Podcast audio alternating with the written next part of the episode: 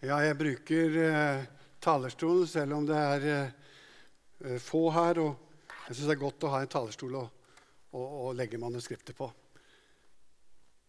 Og eh, vi skal lese den eh, teksten som står i Andre Mosebok, eh, fra kapittel 14.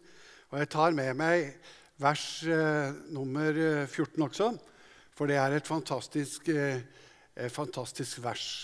Et vers som har stått som et bilde i mange hjem, iallfall i gamle dager, det er dette verset 'Herren skal stride for dere, og dere skal være stille'. Det er jo litt å tenke over. Tenk på det. De som sto der i en slags eh, pressa situasjon med store sjøen foran seg og med faraos hær bak seg. Det er det det handler om. Og så skulle Moses eh, si, 'Herren skal stride for dere', midt i den vanskelige situasjonen, og dere skal være stille. Og Så leser vi da hendelsen nedover fra vers 15. Eh, Herren sa til Moses, 'Hvorfor roper du til meg?' Si til israelittene at de skal dra videre. Du skal løfte staven din og rekke hånden utover havet og kløve det, så israelittene kan gå tørrskodet tvers igjennom havet. Se, jeg gjør egypterne harde, så de setter etter dem. Jeg skal vise min herlighet på farao og hele hans hær, på vognene og på rytterne hans. Egypterne skal kjenne at jeg er Herren, når jeg viser min herlighet på farao og vognene og rytterne hans. Guds engel, som hadde gått foran Israels hær, byttet nå plass og gikk etter folket. Skysøylen som var foran dem, flyttet seg og stilte seg bak dem så den kom mellom egypternes leir og israelittenes leir. Og skyene kom med mørke, men den lyste likevel opp på natten, så de ikke kom inn på hverandre hele natten. Da rakte Moses hånden ut over havet, og Herren drev havet bort med en sterk østavind, som blåste hele natten så havet ble til tørt land. Vannet ble kløvd, og israelsfolket gikk tørrskodde tvers igjennom havet. Vannet sto som en mur til høyre og venstre for dem. Egypterne satte etter dem med alle faraos hester, vogner og ryttere og fulgte etter dem midt ute i havet. Men med morgenkvisten så Herren ned på egypternes leir, fra ildsøylen og skysøylen, og han skapte forvirring blant dem. Han låste hjulene på vognene deres, så det var tungt for dem å komme seg fram. Da sa egypterne, La oss flykte fra israelittene, for Herren kjemper for dem mot egypterne. Da sa Herren til Moses, rekk hånden ut over havet, så skal vannet vende tilbake over egypterne, over vognene og rytterne deres. Så rakte Moses ut over havet, hånden ut over havet, og ved morgengry vendte vannet tilbake. Egypterne flyktet rett imot dem og Herren styrte dem midt ut i havet. Vannet vendte tilbake og skylte over alle vognene og rytterne i faraos hær, som hadde fulgt etter israelittene ut i havet. Ikke én mann overlevde, men israelittene gikk tørrskodde gjennom havet mens vannet sto som en mur til høyre og venstre for dem. Den dagen frelste Herren Israel fra egypternes hånd og Israelittene så at egypterne lå døde på stranden. Da de så det storverk Herren hadde gjort mot egypterne, fryktet folket Herren og trodde på Herren og på Moses, hans tjener. Disse tekstene som vi har denne søndagen, gir oss mulighet til å kommentere et aktuelt tema. For dere som har Vårt Land, dere så et bilde for litt siden av eh, Ottesen og generalen sammen med biskop Kari Weiberg. Jeg har et bilde av henne på skjermen nå. Og der ber biskopen disse to akseptere henne som en kristen. Og eh, jeg tenker at det er faktisk en oppgave som ikke en biskop heller kan klare å gi til noe menneske. Ingen, heller ikke Ottesen og generalen, er og har den myndighet at de skal kunne dømme. Og det har heller ikke biskopen mulighet til å si, at du må dømme meg og si at jeg, jeg er en kristen. Ingen kan si det. Selv om hvis du studerer bildet litt nærmere, da, jeg må bare si det med et lite glimt i øyet, så ser det ut som de to herrene på bildet de ønsker kanskje å ha et lite ord med i laget. Vel, vel, det var mer ut som en slags humor. De ser veldig alvorlige ut. Men allikevel, jeg vil gjerne kommentere og si at ingen ledere, ingen mennesker, har mandat til å dømme. Jeg vokste opp på Hadeland og gikk på bedehuset og gikk i pinseforsamlinger. Og vi hørte mye forkynnelse. Vi hørte forkynnelse om at du kan gå fortapt. Og vi hørte levende fortalt om eh, den evige ild og fortapelsens mulighet. Og En av de jeg vokste opp sammen med, mitt søskenbarn, kom til Vi møttes i et selskap for litt siden, og så sa han vi bør kvitte oss med denne helvetesangsten som vi ble påført som barn. Vi bør kvitte oss med denne helvetesangsten som vi har blitt påført, og som har preget oss egentlig hele livet, sa han. Jeg kommer tilbake til det. Jeg kan ikke si at denne forkynnelse er svært fremtredende i dag. Og kanskje kan det være bra at den har fått litt annen tenkning og litt endret i forhold til det som var i fokus når vi var barn. Det var slik at jeg møtte en forkynner, og vi hadde teltmøter på et annet sted i landet. Og det var veldig, veldig varmt. Det var enda varmere enn nå. Og så gikk vi rundt omkring og spurte folk om å komme på møtene. Og så gikk han og traff en eldre kvinne. Og Så spurte han denne kvinnen kan ikke du bli med på møtet i dag. Og Da sa hun jeg orker ikke, for det er så varmt inne i teltet. Og Da sa denne unge forkynneren, litt lettvint slik. Det er mye varmere dit du kommer hvis du ikke hører Guds ord. Det er mye varmere i helvete. Og det var altså så Tenk på det etterpå. Vi som sto og forkynte, også, også han som kunne si sånn, trodde han egentlig på det når han kunne slenge ut en sånn lettvint påstand? En lettvint utsagn som liksom kom rett ut sånn? Jeg tror at en del av den måten som vi behandlet eller forkynte disse tingene på, kanskje ikke var helt troverdig. For det kom så lett over leppene. Og når dette temaet, hvis det er evig fortapelse i vente, hvorfor gråter vi ikke mer? Hvorfor kjenner vi ikke mer på den nøden? Og hvorfor går vi ikke lenger? Det er mange spørsmål som vi faktisk må ta inn over oss selv i dagens tekster.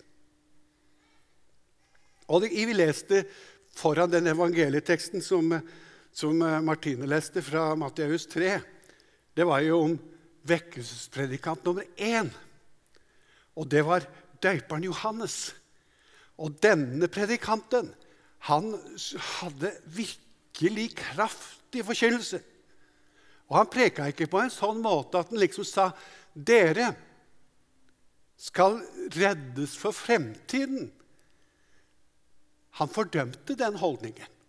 Fariseerne og saduseerne kom til ham, og han kalte dem for ormingel.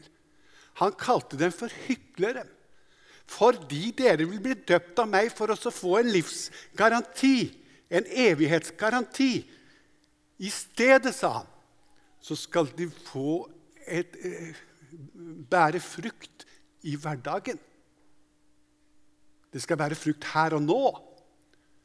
Så dommen på en måte blir, skal komme innover deres liv i dag.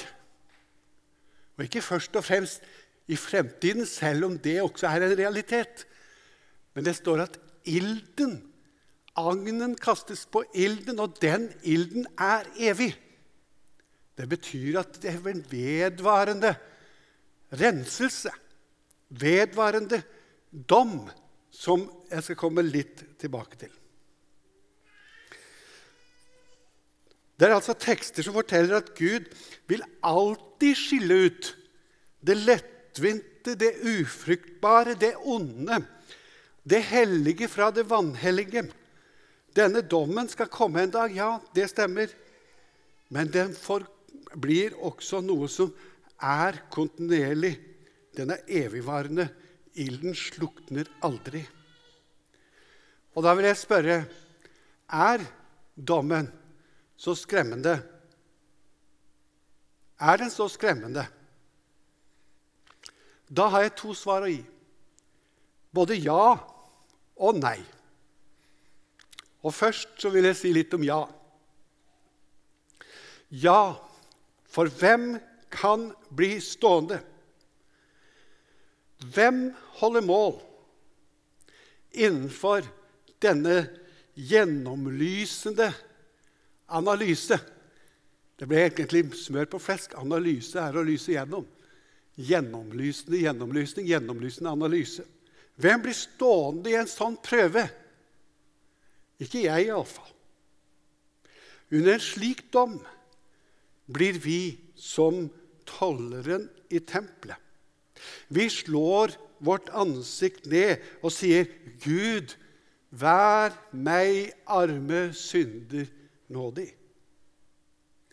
For det er slik at selv den som er skyldig i det minste lovbrudd, han er skyldig i alle.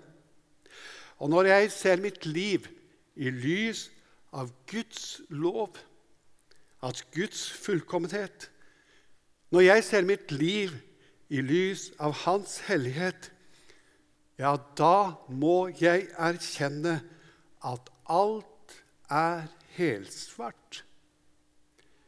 I dette lys og under denne dom er jeg fortapt. Og etter denne målestokk så er det umulig for meg å tilfredsstille Guds krav. Ikke én er rettferdig, sier Paulus. Alle er avveket. Alle er på ville veier. Alle sammen. Men allikevel så har jeg lyst til å si er dommen skremmende? Jeg kan også si nei.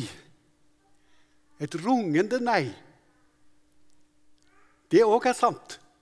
På den ene siden, når jeg ser på meg selv og hvem jeg er, så jeg si, må jeg si ja. Men når jeg får lov til å se fra et annet perspektiv, så kan vi si et nei. Og hvorfor? Hvorfor sier vi nei? Jo, fordi dommen på mange måter allerede er fullført. Den er allerede gjennomført. Sannelig, sannelig, jeg sier dere, sier Johannes evangeliet.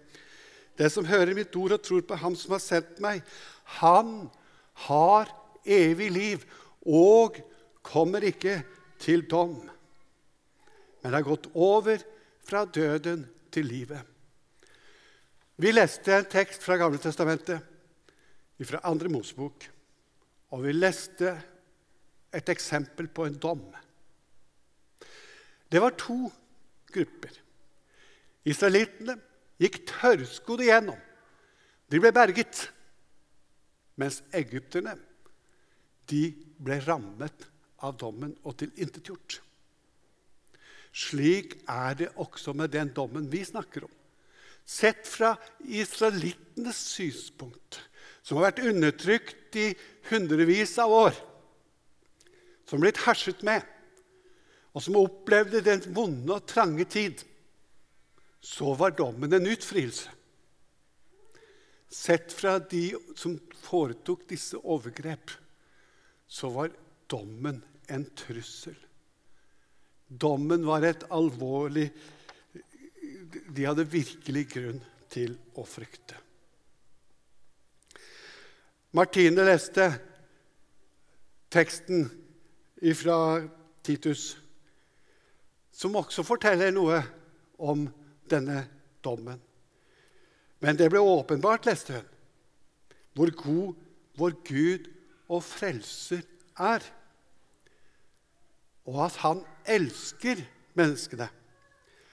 Han frelste oss ikke på grunn av våre rettferdige gjerninger. Altså, Det var ikke på grunn av det vi har gjort. Det ble sett bort ifra våre handlinger. Det eneste som teller, det er hans barmhjertighet. Han frelste oss ved badet som gjenføder og fornyer ved Den hellige ånd, som han så rikelig har øst over oss ved Jesus Kristus, så vi skulle bli rettferdige ved Hans nåde og bli arvinger til det evige liv, som er vårt håp. I denne beretningen her fra Andre Mosebok, som jeg leste, så sto det at dommen viser Guds herlighet. Guds storhet. Og den endelige dom, da hvert menneske kommer frem for Kristi domstol, skal også syne for all verden Guds storhet og Guds herlighet. Da skal hvert et kne bøye seg for Han, og hver tunge skal bekjenne at Han er Herre. Dommen blir det endelig bekreftelse på Guds storhet, på Guds herlighet. På samme måten som Gud viste sin herlighet da han slett, utslettet faraos hær.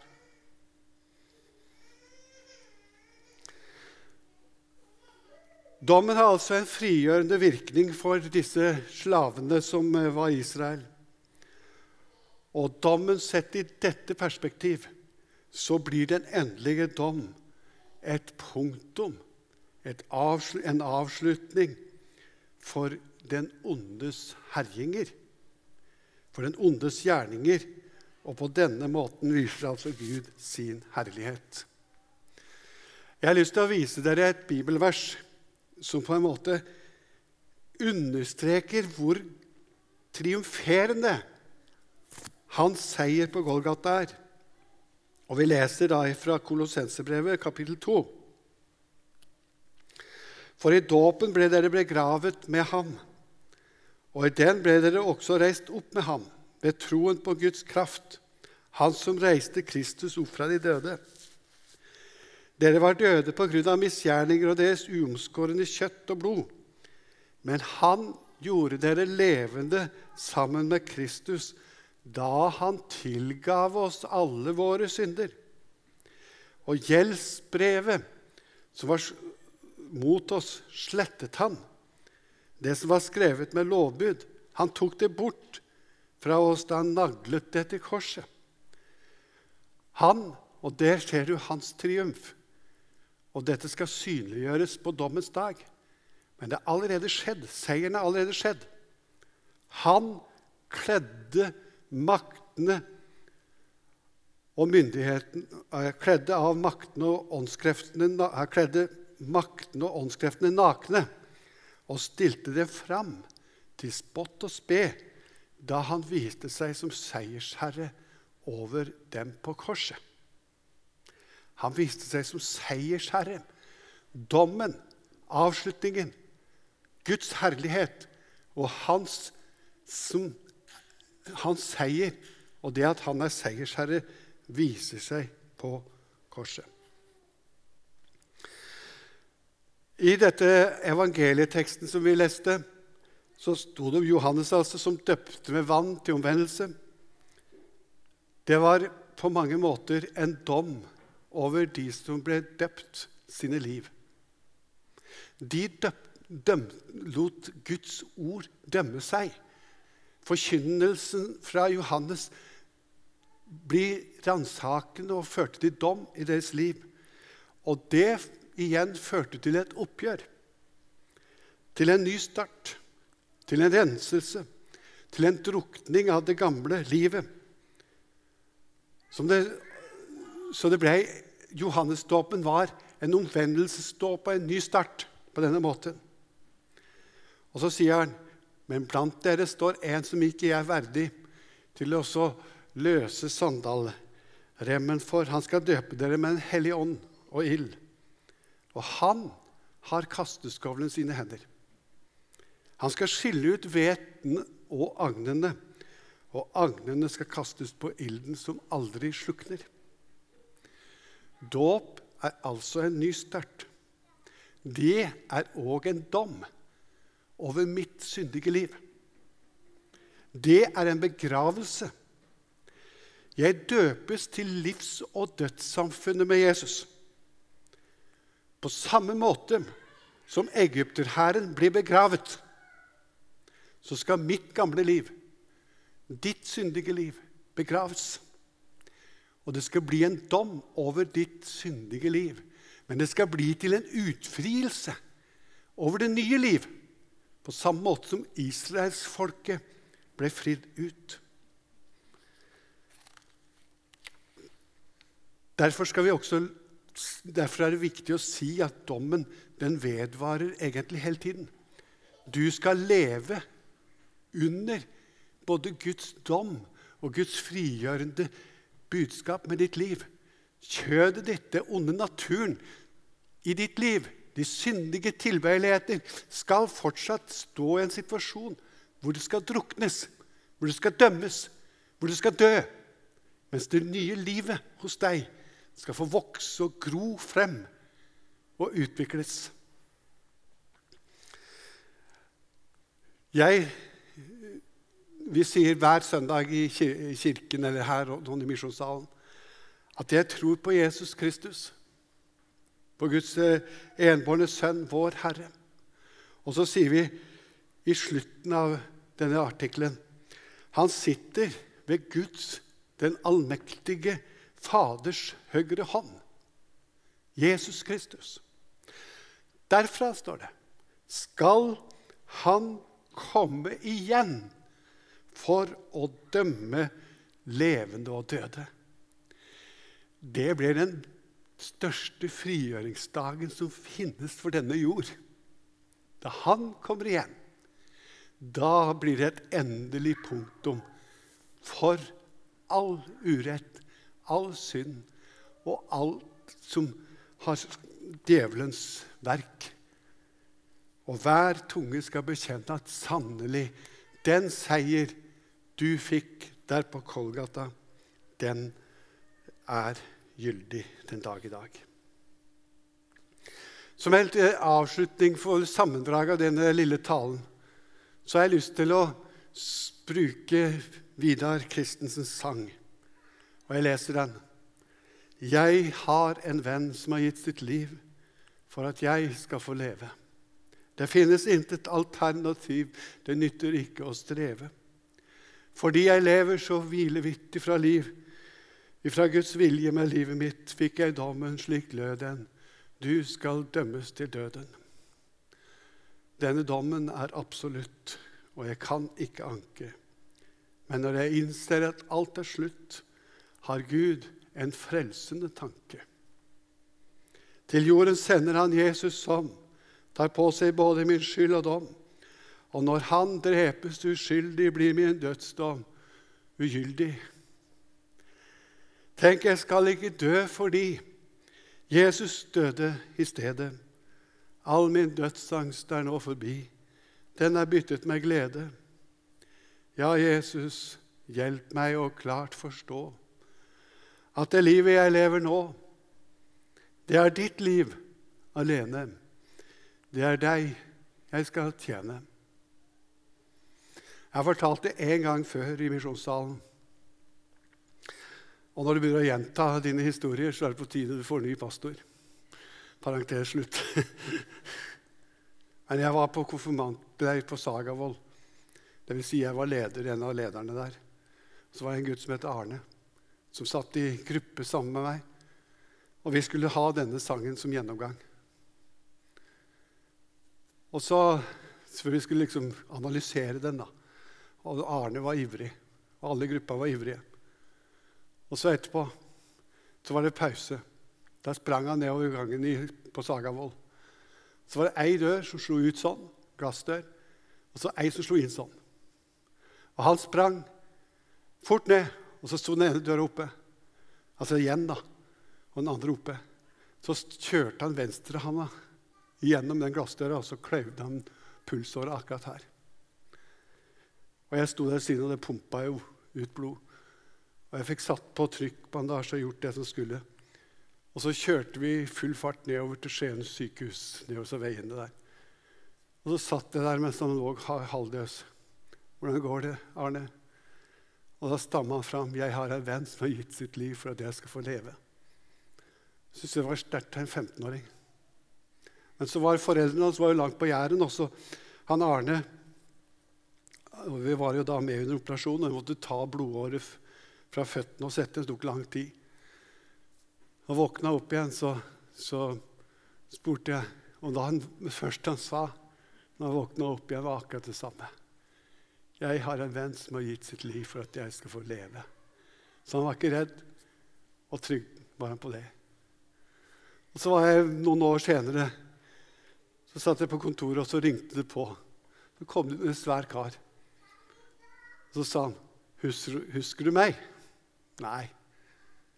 Og så dro han opp armen. Så han hadde bredt arr under armen her.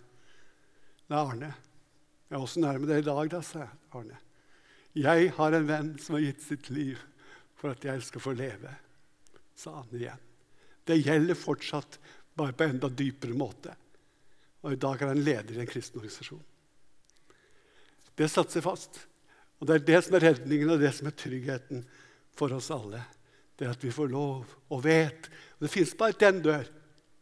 Jeg har en venn som har gitt sitt liv, og som tok dommen i mitt sted.